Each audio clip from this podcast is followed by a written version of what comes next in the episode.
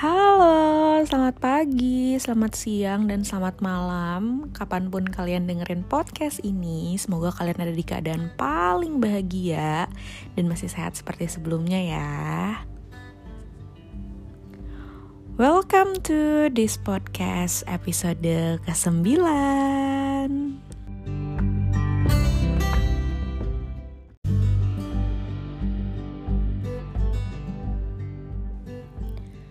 Jadi gimana nih, dua tahun kita lebaran, gak bisa kumpul sama keluarga besar, gak ketemu sama kakek nenek, atau uak, atau om, tante, dan sepupu-sepupu kita lainnya ya. Tapi gak apa-apa, yang penting uh, kita masih bisa bersilaturahmi thanks to technology karena ada Zoom, WhatsApp video call dan aplikasi-aplikasi lainnya yang ngebuat kita tetap bisa bertatap muka walaupun cuma secara virtual. Momen kumpul keluarga sebelum adanya pandemi atau hashtag di rumah aja sebenarnya itu jadi momen yang kadang-kadang buat sebagian orang itu menakutkan, ya nggak sih? karena pasti banget nih kalau kita ketemu sama para tetua gitu kayak pade, bude, om, tante gitu kan di keluarga besar orang tua kita, pertanyaan yang pertama kali pasti sering muncul itu adalah kelas berapa sekarang? Kemarin ranking berapa? Buat yang masih pada sekolah-sekolah? Atau pertanyaan kayak kapan lulus? Buat yang lagi pada masih kuliah? Dan pastinya pertanyaan kapan nikah? Buat yang udah kerja dan udah dirasa mapan gitu kan? Tapi kok hilalnya nggak kelihatan juga ya undangannya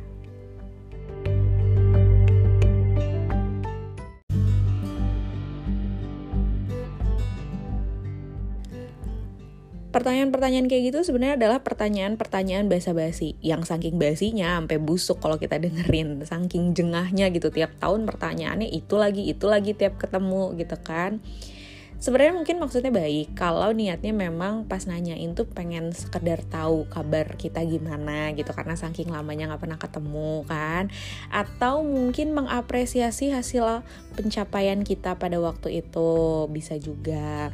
Tapi yang malesin adalah ketika pertanyaan ini tuh terus berkembang dan akhirnya ujung-ujungnya adalah ditambahkan dengan embel-embel membandingkan kita dengan sepupu kita yang lain.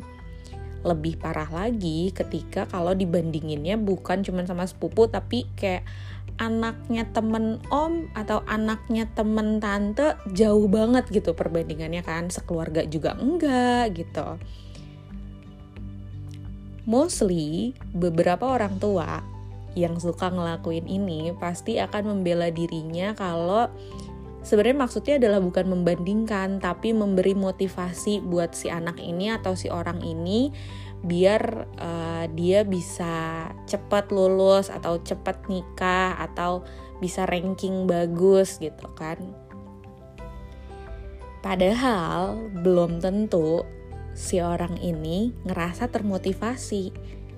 Kita nggak ada yang tahu kalau ternyata jatuhnya karena adanya pertanyaan itu, dia malah ngerasa terintimidasi.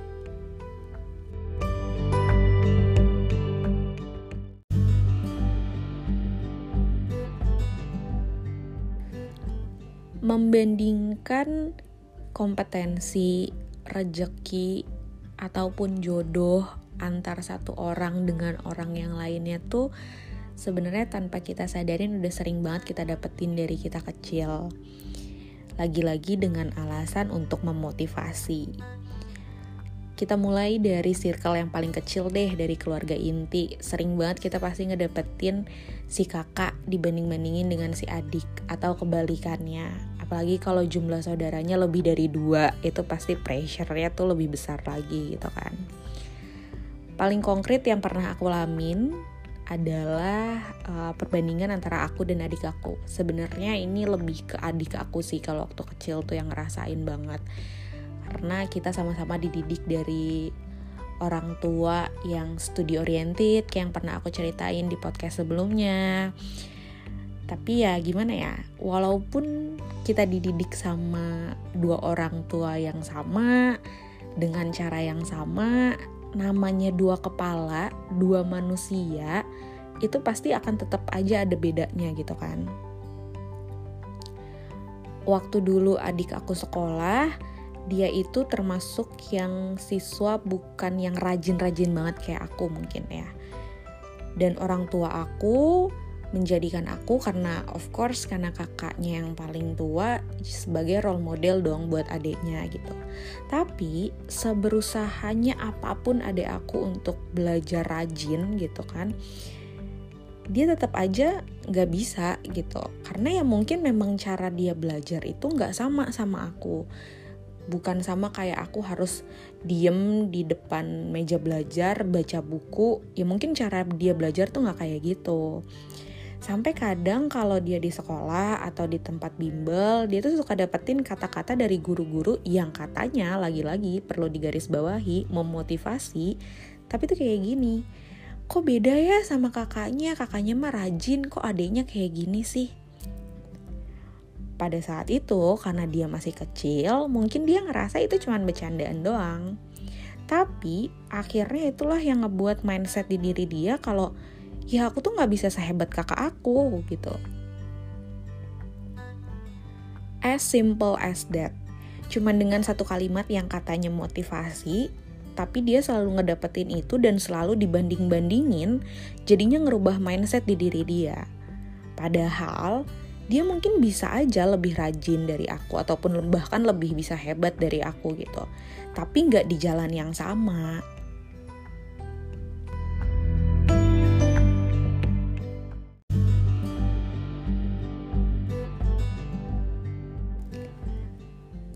Contoh konkret di circle keluarga yang lebih luas lagi ya yang sering kita temuin tiap tahun ataupun kalau kita lagi kumpul bareng keluarga besar gitu kan. Selalu ketemu sama pertanyaan kapan ini, kapan itu, kapan ina, kapan itu?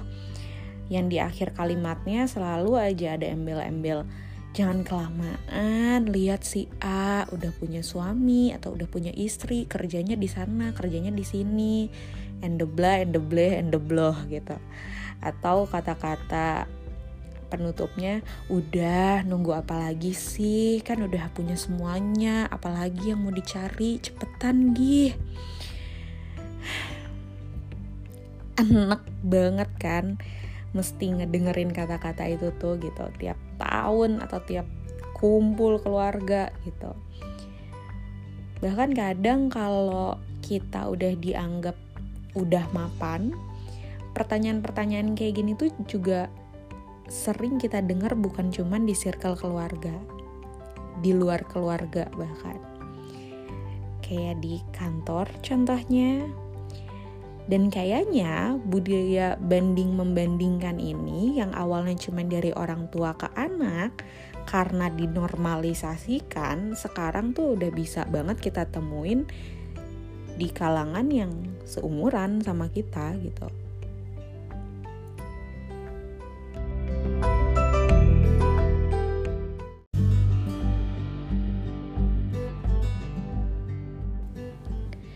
tanpa kita sadarin ternyata budaya suka ngebanding-bandingin kayak gini tuh justru yang ngebuat seseorang cenderung insecure sama diri dia gak pernah bersyukur sama apa yang udah dia punya, udah dia capai. Bahkan mungkin ada yang gak pernah percaya diri untuk menjadi versi terbaik dari diri dia gitu jujur sih kalau aku pribadi kayaknya udah ngegunain banyak cara banget untuk nanggepin orang-orang yang suka banding-bandingin aku sama orang lain gitu. Mulai dari ngejawab dengan bercandaan, contohnya kayak iya santai aja nanti juga lulus. Atau iya nikah nikah nikah kok. Kalau nggak hari Sabtu ya hari Minggu lah gitu. Sampai ke cara pakai yang bercandaan tapi setengah nyinyir gitu. Contohnya kayak iya santai aja sih. Lulus tahun ini atau tahun depan juga nggak akan ngejamin suksesnya bisa barengan. Atau iya bisa kok nikah cepat tapi kalian sponsorin ya sampai nanti gue punya anak. Bahkan aku tuh sampai akhirnya ada di titik puncak yang untuk nyinyirin balik orang-orang ini gitu sebelum aku dibanding-bandingkan contohnya tuh kayak kapan apa lagi nih? Lulus udah kerja udah mau nanya kapan apa lagi? Nikah? Ya udah tunggu aja undangannya awas aja kalau lo nggak nyumbang. Segitunya semua cara itu tuh udah aku coba. Dan ya mau gimana lagi ya kita pun juga nggak bisa memungkiri kalau kita hidup di lingkungan yang pasti ada aja orang kayak gitu gitu. Iya kalau mood kita lagi bagus bisa kita jawab bercanda. Tapi kalau pas mood kita lagi jelek yang ada kan malah jadi awkward moment gak sih jadinya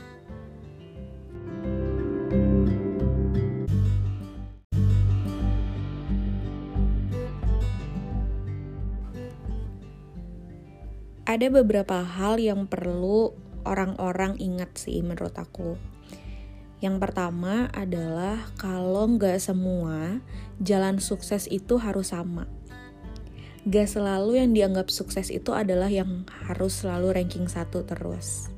Yang sukses itu adalah yang kuliahnya di negeri dengan jurusan teknik misalnya, dokter atau sains gitu dan gak selalu orang yang dianggap sukses itu yang harus kerja jadi dokter, PNS, pengacara, akuntan, atau pekerjaan-pekerjaan lainnya yang punya pride-nya sendiri. Hal yang kedua yang juga harus diingat adalah bahwa cara setiap orang mendapatkan kesuksesannya itu juga pasti beda-beda. Ada yang dengan cara dia harus ujian berkali-kali dulu, dia baru bisa masuk universitas yang dia idam-idamkan dari dulu. Ada yang harus ngelewatin interview berkali-kali untuk ngedapetin pekerjaan yang dia cita-citain. Tapi ya ada juga yang mungkin satu kali tes atau satu kali interview kerja bisa langsung lolos gitu. Hal yang ketiga adalah kita juga harus ingat kalau rejeki dan jodoh itu udah diatur sama yang punya kuasa. Tergantung gimana kita sebagai manusia mau nggak usaha 100% untuk ngedapetinnya. Dan yang terakhir yang mesti banget orang-orang ingat kayaknya ya kalau menurut aku tuh adalah bahwa standar kebahagiaan goals atau target kebahagiaan dari setiap orang itu beda dan gak akan pernah bisa disamain. Ada yang dia bahagia kalau cuma masuk universitas biasa-biasa aja, tapi ya dia pengen banget masuk ke jurusan itu. Ada yang targetnya adalah punya uang dulu atau karir yang tinggi dulu, baru mikirin hal yang lain. Dan ada juga yang mungkin target kebahagiaannya adalah ya nikah muda, punya anak cepat, dan punya rumah, dan lain-lainnya. Jadi, apa pun itu, setiap orang tuh pasti punya dan udah ngeset goalsnya masing-masing di hidup dia gitu. Oke okay lah, mungkin sebagian orang masih membela dirinya bahwa dengan membanding-bandingkan ini adalah tujuan untuk memotivasi seseorang tapi ya udah gitu nggak sih? Maksudnya cukup dimotivasi dengan kata-kata yang membuat semangat gitu. Bukan dengan membandingkan pencapaian seseorang dengan orang lain. Akan lebih baik gak sih kalau kita bisa ngasih kata-kata semangat atau mungkin kita bisa ngasih solusi konkret buat seseorang itu mencapai target yang dia pengenin daripada cuman ngebanding-bandingin tapi nggak ngasih solusi percuma aja gitu loh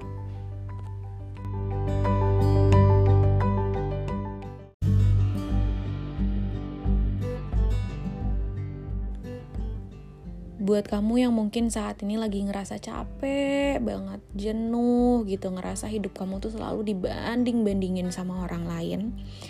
Udah deh, cukup, stop, tutup telinganya. Ini tuh sekarang waktunya kamu ngebuktiin sama orang-orang kalau cara yang kamu pakai, hal yang lagi kamu jalanin saat ini adalah hal terbaik dari diri kamu untuk diri kamu sendiri. Mungkin ada saatnya kita harus berhenti ngedengerin perkataan orang sekedar untuk menjadi cambukan motivasi. Tapi ya ada saatnya juga kita harus tutup telinga dan lanjut jalan lagi ke depan gitu. Karena pada saatnya nanti ketika kita jatuh, amit-amit nih ya. Orang-orang yang tadi katanya motivasi kita dengan cara membandingkan hidup kita dengan orang lain, itu palingan juga cuman bakal bilang, tuh kan, coba dulu nurut ngikutin kata kita. Pasti kamu udah sukses kayak si A, kayak si B sekarang. Gak kayak gini keadaannya. And they don't even help us at all.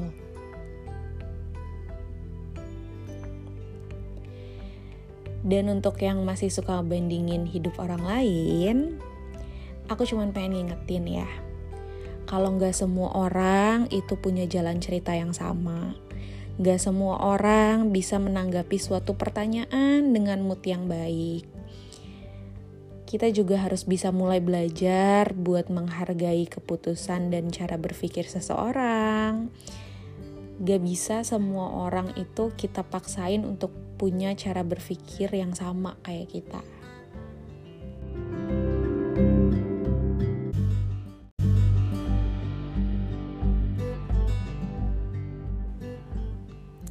So stop untuk bilang kita tuh nggak boleh insecure jadi orang, kita tuh harus pede jadi orang.